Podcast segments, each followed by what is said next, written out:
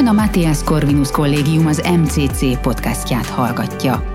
Tudjon meg rólunk többet az mcc.hu honlapunkon, Facebook, Instagram és Twitter csatornáinkon, valamint olvassa professzoraink, külső szerzőink és diákjaink írásait korvinák.hu tudásbázisunkon. Sok szeretettel köszöntjük az MCC podcastjének hallgatóit ezen a gyönyörű tavaszi napon. Itt van velünk a stúdióban dr. Konstantinovics Miklós, elsősorban az MCC orvosa, és másodlagosan mentő orvos, kocsin és helikopteren. Üdvözlünk a stúdióba, köszönjük, hogy velünk vagy. Én köszönöm szépen a meghívást, én is üdvözöllek minden hallgatót. És az első kérdésem az lenne, hogy ugye te mentőorvosként dolgozol, nagy tapasztalatod van benne, nagyon-nagyon sokszor ugye felmerül az egészségügynek a színvonala, van a kórházi rész, kórház előtti rész, összehasonlítgatják egymással az országok, egymást elégedetlenkednek az emberek. Milyen szintű Magyarországon a mentőorvosi ellátás? Hogyan látod ezt a helyzetet? Érdekes kérdést tettél föl abból a tekintetből is, hogy igazából nem nagyon lehet jól és érdemszerűen összehasonlítani a különfajta országok egészségügyi rendszerét. Az tulajdonképpen egy másik podcast lenne, mert valószínűleg egészségügyi közgazdász kellene, szociológus kellene hozzá, meg talán egy kultúraantropológus is, hogy megmondja, hogy melyik egészségügyi rendszer a legjobb. Ehhez a részéhez én nem értek. Én a szakmai részébe picit jobban belelátok, ahhoz konyítanék. Abba is azt kell, hogy mondjam, hogy nagyon divers, hogy az orvoslásnak melyik tudományát és melyik területét vesszük górcső alá, és melyiket szeretnénk összehasonlítani. A sürgősségi ellátás relatíve jól működik Magyarországon, annak is a prehospitális részére szeretnék fókuszálni, tehát a kórház előtti szakasza. Ez egy mindez, ez kicsit egy prevenciós munka is a kórház előtti történet, mert nagyon sokszor nem kell akuttan valakit kórházba szállítani, hanem a helyszínen el lehet látni. Másfelől pedig maga a kritikus betegellátás is jó színvonalat üt meg. Erre érdekességképp tudnám hozni példának, hogy vannak nemzetközi mentőversenyek, ahol szimulációk során mutat, mérhetik össze a tudásukat a különfajta csapatok, és nagyon nagy skálán pontozzák az embereket. Úgy kell elképzelni, hogy egy-egy betegellátás során több ezer pontot kap az ember egy-egy ellátásra, tehát nagyon-nagyon széles spektrumban sok mindent pontoznak. Ilyen versenyeket nagyon régóta, nagyon sokszor a Magyar Légimentő Kft-nek a dolgozói nyerik meg, vagy az első három helyezésbe végeznek. Tehát azt kell mondjam, hogy ezt nemzetközi kitekintésbe, mondjuk egy-egy ilyen játékos versenyen mindenképpen jó helyezést érünk el. Persze visszacsatolva nagyon érdekes az a része, hogy a magyar mentőmodell az különbözik az amerikaitól egy picit. A magyar mentőmodell a stay and play nagyon sokszor, tehát kimegyünk a helyszínre, és ott kivisszük az intenzív ellátást, míg az amerikai modell inkább a grab and go, vagy load and go, tehát megfogjuk a beteget, behelyezzük a mentőautóba, és száguldunk vele a kórházba, és a kórházba kapja meg az emeltebb szintű ellátást. Tehát emiatt is picit nehéz az összehasonlítás. A magyar mentőszolgálatnál, vagy a légimentőknél lévő felszerelések, technikai háttér, ami rendelkezésünkre áll, az abszolút fölveszi a versenyt az európai társaival, sőt azt kell, hogy mondjam, hogy egy-két európai mentőszolgálatnál jóval többet tudunk fölmutatni. Legyen akár összehasonlításként a London Hems, vagy akár mondjuk a csehországi mentő felépítés vagy mentőrendszer, ezeket technikai színvonalba, ha nem is ütjük, de bőven elérjük.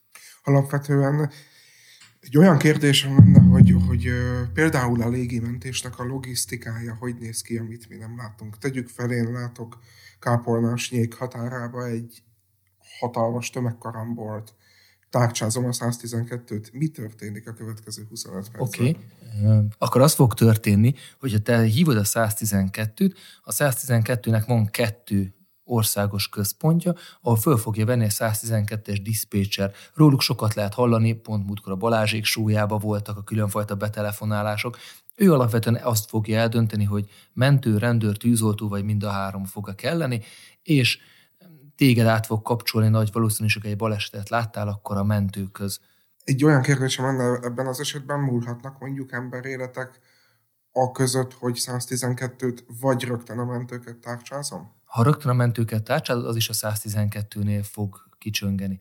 Viszonylag gyorsan ő regisztrálja a te hívásodat, honnan hívsz, azt a GPS alapján látja, elvileg, és egyből dedikálja a hívást a mentők felé. A mentőknél a bejelentés alapján besorolják egy prioritási sorrendbe a látott eseményt, P1-től mondjuk így P5-ig. P1 a megkezdett újraélesztés, vagy a nagyon kritikus állapotú beteg. Ha a bejelentés alapján úgy tűnik, hogy te egy P1-es kategóriai beteg mellett vagy, akkor a mentődiszpécser folyamatosan vonalba fog veled maradni, egészen addig, amíg ki nem érkezik a mentő. Akár instruált alapvető elsősegélynyújtási ismeretekben, akár a lelket tartva benned, akár a beteg további állapotáról információt gyűjtve. Tehát addig nagyon jól meg van ez szervezve, addig a mentő dolgozó végig veled vonalba lesz, ha ez egy P1-es feladatról van szó. Közben, amiközben veled tartják a vonalat, a közben elindul egy másik vonalon a mentőegység riasztása. Ha P1, akkor úgy kell elképzelni, hogy van egy országos lefedettségű mm, számítógépes hálózat és rendszer, amiben minden mentőegység rajta van, kezdve a biciklis görkoris mentőtől át a rohamkocsig, a mentőmotorcsónakig, tehát minden látható egy GPS jellel, és egy program a P1-es feladathoz autoallokálja a lehető legközelebbi mentőegységet. Teljesen mindegy, hogy ez egy mentőgalamba vagy egy mentőrohamkocsi, azt azonnal oda fogja indítani a helyszínre, mint legközelebbi kiérkező mentő megérkezzen. Ezt követően, vagy ezt a döntést fölülbírálhatja egy mentés irányító, aki dolgozik a mentés irányítási központba, hogy esetleg másik mentőegységet, vagy valami kapcsán mondjuk az autóallokáció csak a légvonalbeli távolságot látja, és nem veszi figyelembe, hogy egy autópálya lehajtáshoz másik irányból kell odajutni, tehát egyéb tényezők modifikálhatják ezt a, ezt a döntést, de alapvetően azt kell mondani, hogy egy autóallokációval azonnal fog hozzád érkezni a legközelebbi mentőegység.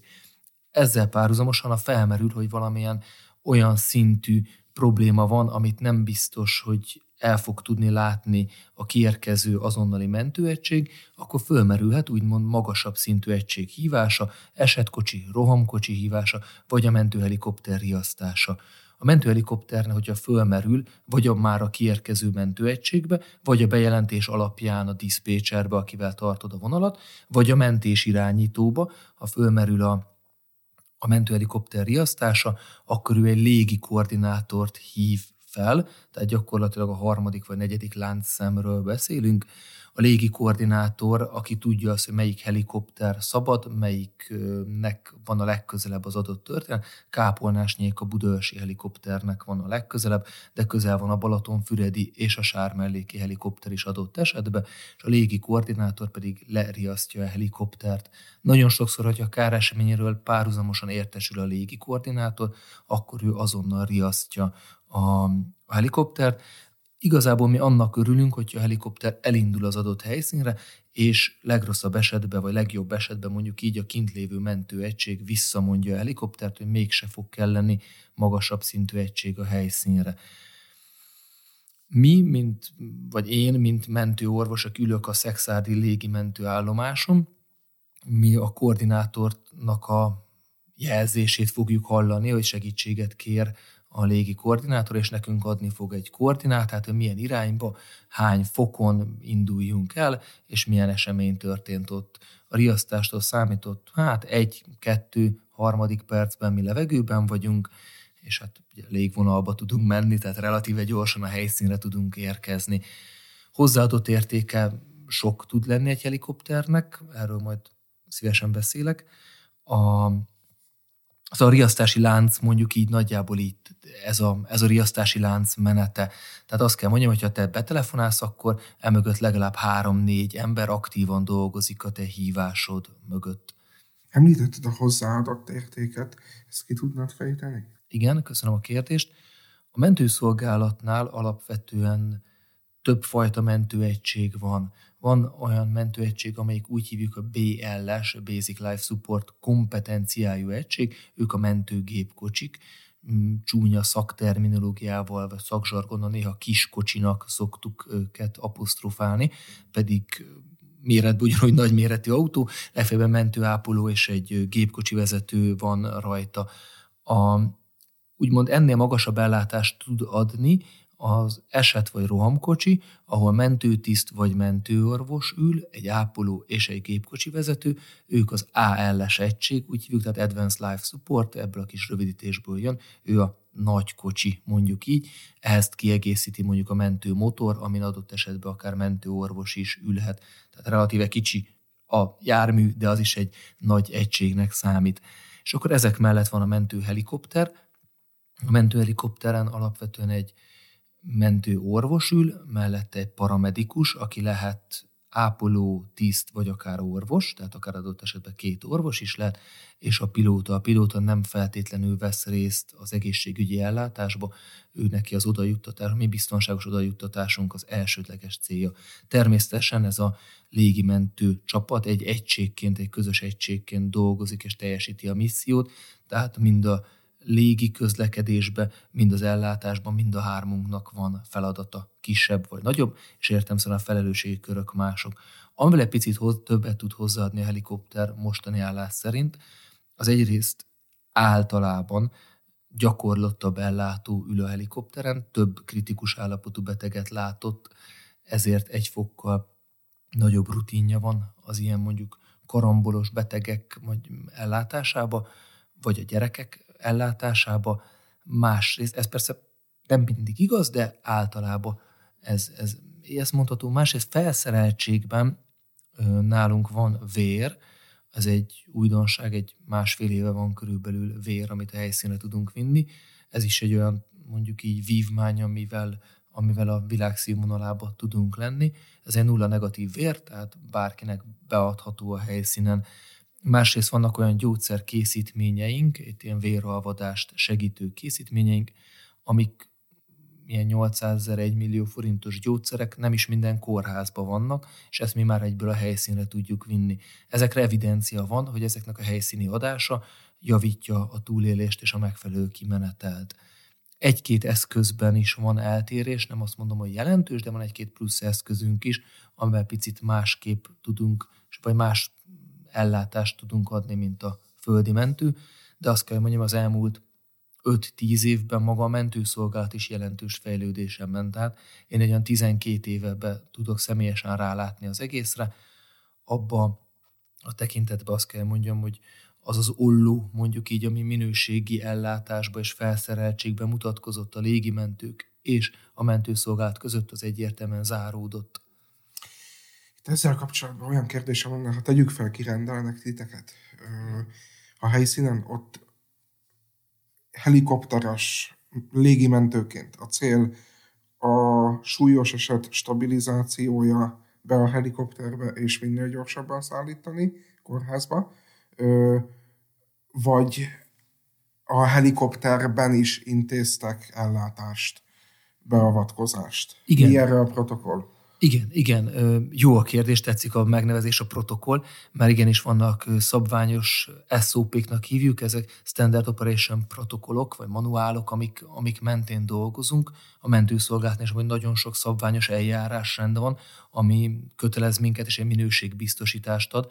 Ebbe amúgy mindjárt válaszol a kérdésedre, egy kis rövid kitekintés, hogy ebbe szerintem a magyar egészségügy tekintve mindenképp elsődleges a mentőszolgálat, hogy nálunk van gyakorlatilag mindenfajta betegellátásra egy szabványosított standard eljárásrend, mindenfajta betegségre, amit kell követni, és csak megadott esetekben lehet eltérni, vagy indokolt esetben lehet eltérni ezektől a, a, az ellátási protokolloktól. Erre mondhatjuk azt, hogy ez egy nagyon droid dolog, és mindenkit ugyanabba a kockába akarunk belehúzni, de inkább én abból az irányból közelíteném meg, hogy ez ad egy kötelező standard minimumot, amit kötelezően kell adni a betegeknek. Valamint annyi is érdekes minőségbiztosítás tekintetében, hogy minden egyes esetlapunk, amit minden egyes betegellátásunk a helikopternél szupervízió alá kerül, és mint hogyha orvos szakmai, mint hogyha bármilyen más kérdés felmerül, akkor mi kapunk arról egy visszajelzést, akár e-mail formájába is, hogy itt valami megbeszélendő vagy szakmai kérdés merülhet fel az ellátásunk kapcsán, de ugyanez áll a mentőszolgálatnál is, tehát egy nagyon jó szakmai kontroll alatt tudunk dolgozni. Na, és akkor a kérdésedre a válasz. Ez betegtől függ. Van olyan beteg, akinek, akit, akit a helyszínen nem tudunk meggyógyítani, gondoljunk mondjuk egy belső hasi vérző betegre, az ő definitív megoldása a sebészet lesz, és a műtő. Így őt a lehető legközelebbi, őt ellátni képes kórházba visszük. Ez nagyon sokszor akár a Taktalóránt háza alsói kórház lesz, és lehet, hogy nem is éri meg légi úton bevinni oda, mert egyszer, amíg berakjuk a helikopterbe, felszáll a helikopter, leszáll a helikopter, kiszedjük a helikopterből, azra lehet, hogy sokkal hamarabb bent van az ember földi úton. Tehát ez egy gyors mérlegelést kíván. Vannak olyan betegek, akik viszont abból fognak profitálni, ha mi a helyszínen úgymond játszunk velük, ez csúnya kifejezés, tehát mi a helyszínen a lehető legnagyobb minőségi ellátást megadjuk nekik, és ez követi a légiszállítás. Tehát ilyenkor nagyon sok tényező, alapján végig kell gondolni, magába a helikopterbe repülés közben nem dolgozunk. Tehát abban már egy stabil beteget teszünk bele. Van olyan, amikor a a légiutat meg kell szakítani, mert a beteg állapota ezt, ezt kívánja. Ezek nagyon ritka esetek. Ugye akkor egy vész leszállás kell, egy kényszer leszállást kell gyakorlatilag végrehajtani a helikopterrel. Minden egyes le- és felszállás ugye egy nagyon veszélyes üzem, tehát egy fokozott veszély ilyenkor leszállni a beteggel, kiszedni a beteget, meg, elvégezni a megfelelő beavatkozást, visszarakni, tovább repülni, de elő tud fordulni ilyen. Ezeket a szituációkat kerülni szeretnénk. Ugyanígy a mentőautóba sem szeretünk dolgozni, hanem kint a mentőautó előtt azon kívül látjuk el a beteget, és a mentőautó inkább csak a szállításra van. Nagyon fontos, hogy a beteghez 360 fokba hozzáférjünk, ami se a mentőautóba, se a helikopterbe nem adott. De mondjuk egy trókos betegnél, egy hasisérültnél, ott nagyon időfaktoros kórképek vannak, ott nagyon sokat számít az, hogy minél gyorsabban eljuttassuk a beteget. Tehát akkor mások a hollywoodi filmek, ahol ö, száguldó mentőautóba igen, igen. Cserélnek vesét igen, Igen, igen. Mi, mi, mi azt nem tesszük, bár, hogy mondjam, minden önmentősnek van erről biztos története, hogy hallott egyszer valaki olyat, aki tett valami az hasonlót a mentőautóba. Természetesen ezek biztos meg nem történt esetek. Alapvetően nálunk, ha baj is van, megállunk és kiszállunk, és kiszedjük a beteget ez a ez szokott lenni, ami fura tud lenni egy hozzátartozónak, hogy azt látja, hogy nem a mentő, nem, nem az történik, ami hollywoodi filmben berakjuk és indulunk, hanem helyette még mondjuk így cicomázzuk a beteget a helyszínen, de ez, ez minden esetben indokolt, indokolt betegellátást jelent. Vannak azért olyan dolgok, amikor muszáj a mentőautóba, akár időjárás, akár mondjuk szociális körülmények, vagy bármi egyéb, amikor úgymond a mentőautó biztonságába kell elvégezni az ellátást, de ezek nagyon extrém, nagyon kevés, nagyon ritka eset. Hány riasztást kaptok légimentőként úgy egy hónapban nagyjából, vagy egy héten? Na, most nagyon up-to-date lennék, akkor biztos a pontos számokat meg tudnám adni, mert nem rég olvastam a, az elmúlt időszaknak a, a statisztikáit, amit a, a, a légimentő szakmai szervezete kiadott számunkra, vagy hát itt tájékoztatott minket. Azt kell, hogy mondjam, hogy egyrészt ez mentőállomás, vagy légimentőállomás és időjárás, időszak függő is, illetve napszak, vagy hát nem is napszak, hanem évszak függő télen nincs olyan hosszú repülési idő, mondjuk úgy, hogy 8-tól 4-ig van csak repülési idő, nyáron már reggel 6-tól este 7-ig van repülési idő, értem szerint nagyobb idősávban több riasztás fér bele. Nagy átlagban azt kell mondjam, hogy a 7 légimentő állomás van Magyarországon, hogyha mindig állomás mondjuk egyet megy egy nap, az egy az egy átlagos napnak számítana. Talán nagy átlagban ezt egy, kicsit egy fölötti riasztás számot lehetne hozzátársítani, de a Budaörsi gép mondjuk egy picivel többet megy Budapest leterheltséges az emberek miatt, de pont amikor Pécsen dolgoztam, volt hét, nem, hat riasztásos műszakom, ami gyakorlatilag reggeltől estig azt jelentette, hogy egyfolytában betegről betegre járunk. Egy-egy riasztás, vagy egy-egy misszió azért óhatatlanul legalább egy órás történet, még hogyha minden nagyon klappol is, de általában inkább ennél több bázisról bázisra való visszatérésig. Így ezzel kapcsolatban felmerült az a kérdés, ugye beszéltünk már logisztikáról, protokollról, esetleg arra tudsz mondani, nem kell általánosságban, csak mondjuk egyetlen egy konkrét példa, hogy mondjuk egy súlyos esethez, ahova kirendeltek titeket helikopterrel, mennyi az időnyereség mondjuk egy nagy kocsis ellátáshoz képest? Azt kell, mondjam, hogy egy ideális súlyos sérült ellátás, ahol mondjuk azt, hogy tokkal vonóval minden megtörténik, tehát van egy combcsontörés, amit fixálunk, intubáljuk, altatjuk a beteget, fájdalmat csillapítunk, hővédelmet végzünk, ha egy mindent ellátunk, akkor azt mondanám, hogy 20 kötőjel 35 perc alatt végzünk a helyszínen, vagy erre törekszünk. Azért ez, azt mondom, hogy ez 20 perc alatt megvan, akkor, akkor nagyon jó időt futottunk, ha 35 perc alatt van meg, akkor is még a Forma 1 benne vagyunk, tehát hogy, hogy akkor is egy jó időnek számít. A légimentőnél erre mondjuk így, hogy trenírozva vagyunk, hogy ezeket az időket hozzuk, én is viszem mindig a kis topperemet, és, és nézem is a helyszíni időket. Az időmenedzsment egy nagyon, nagyon kulcs, idő és helyszínmenedzsment egy nagyon kulcskérdés a mi szakmánkba. A, azt kell mondjam, hogy általában egy átlagos mentő, autós, földi ellátás, már lehet, hogy a helyszíni idő is nyúlni fog. Na most biztos sokan a zsebükben nyúlnak a bicskájukért, és azt mondják, hogy én itt mit, mit javítom a légimentők statisztikáját, meg adatát, meg, meg a földi mentőn is dolgozom. Sajnos tapasztalatból azt kell mondjam, hogy lehet, hogy ez a 25-30 perces ellátás egy földi mentőegység esetében akár 40-45-50 percre kinyúlhat. Nem minden esetben vannak nagyon-nagyon profi ellátók mind a két oldalt, és van, amikor a helikopteres ellátás sem sikerül olyan jól.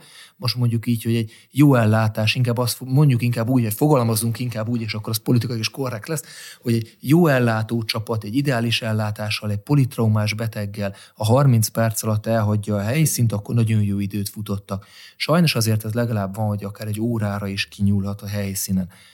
És akkor ezt követően vannak az a rész, hogy hova visszük a beteget, és milyen távolságra visszük. Ha helikopterre megyünk, igyekszünk olyan helyre vinni a beteget, ahol van kórházi leszálló, közvetlen kórházi leszálló, tehát ahol mi leszállunk a kórház tetején, mondjuk a Honvéd kórház ilyen, és akkor onnan már át tudjuk tenni egy hordágyra a beteget, és csak leliftezünk a sürgősségi osztály részre, vagy a Pécsi klinika is ilyen, ott egyértelműen megéri már nem is olyan nagy távolságról helikopterrel menni. Vannak olyan kórházak, olyan körülmények, ahol nincs értelme, mert mondjuk a kórháztól kicsit messzebb tudunk csak leszállni, és akkor kell egy másik mentőegység, aki értünk jön, és átveszi a beteget tőlünk, és ő beviszi a kórházba. Tehát, hogy, hogy sokszor abban nem biztos, hogy van időnyereség.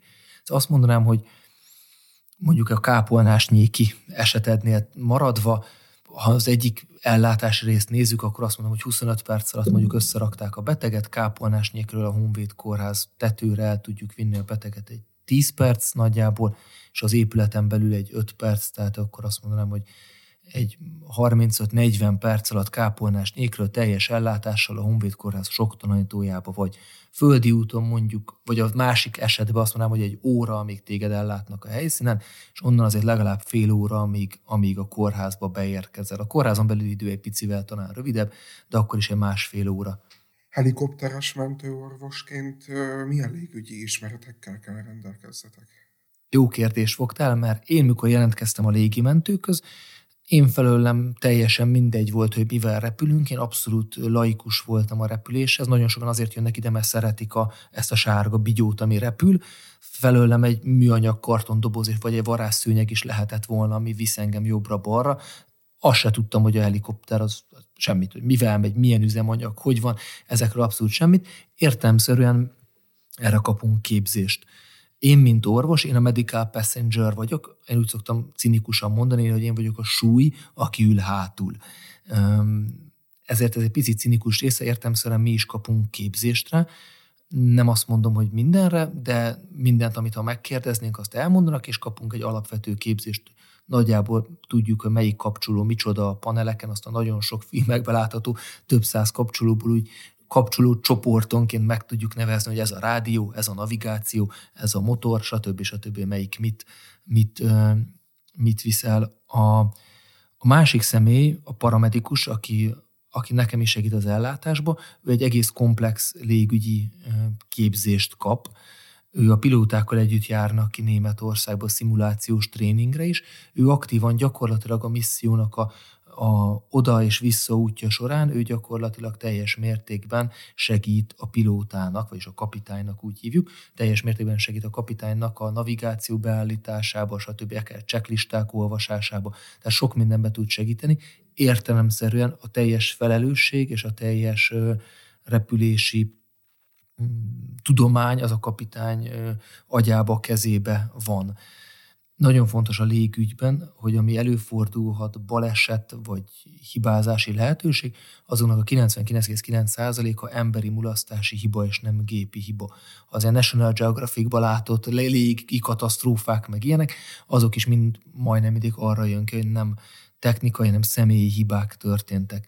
Erre van egy nagy mm, küzdési stratégia, vagy megküzdési stratégiája a légimentőknél, úgynevezett CRM képzéseket tartunk, ahol a csapatmunkát és a légügyi biztonságot fokozzuk. Ez egy nemzetközi képzés, nemzetközi instruktorokkal, és ez alapján próbáljuk a lehető legbiztonságosabbá tenni a légi üzemmódot. Tehát azt mondanám röviden és tömören, milyen légügyi ismeretekkel rendelkezem, abszolút laikus ismeretekkel rendelkezem, vagy nem merném szakismeretnek mondani, viszont a, ebbe a CRM részbe erre nagyon nagy hangsúlyt fektet a légimentő cég, tehát igenis azt mondanám, hogy a, a lehetséges hibaforrások elkerülésébe viszont próbálnak minket szakemberré kinevelni.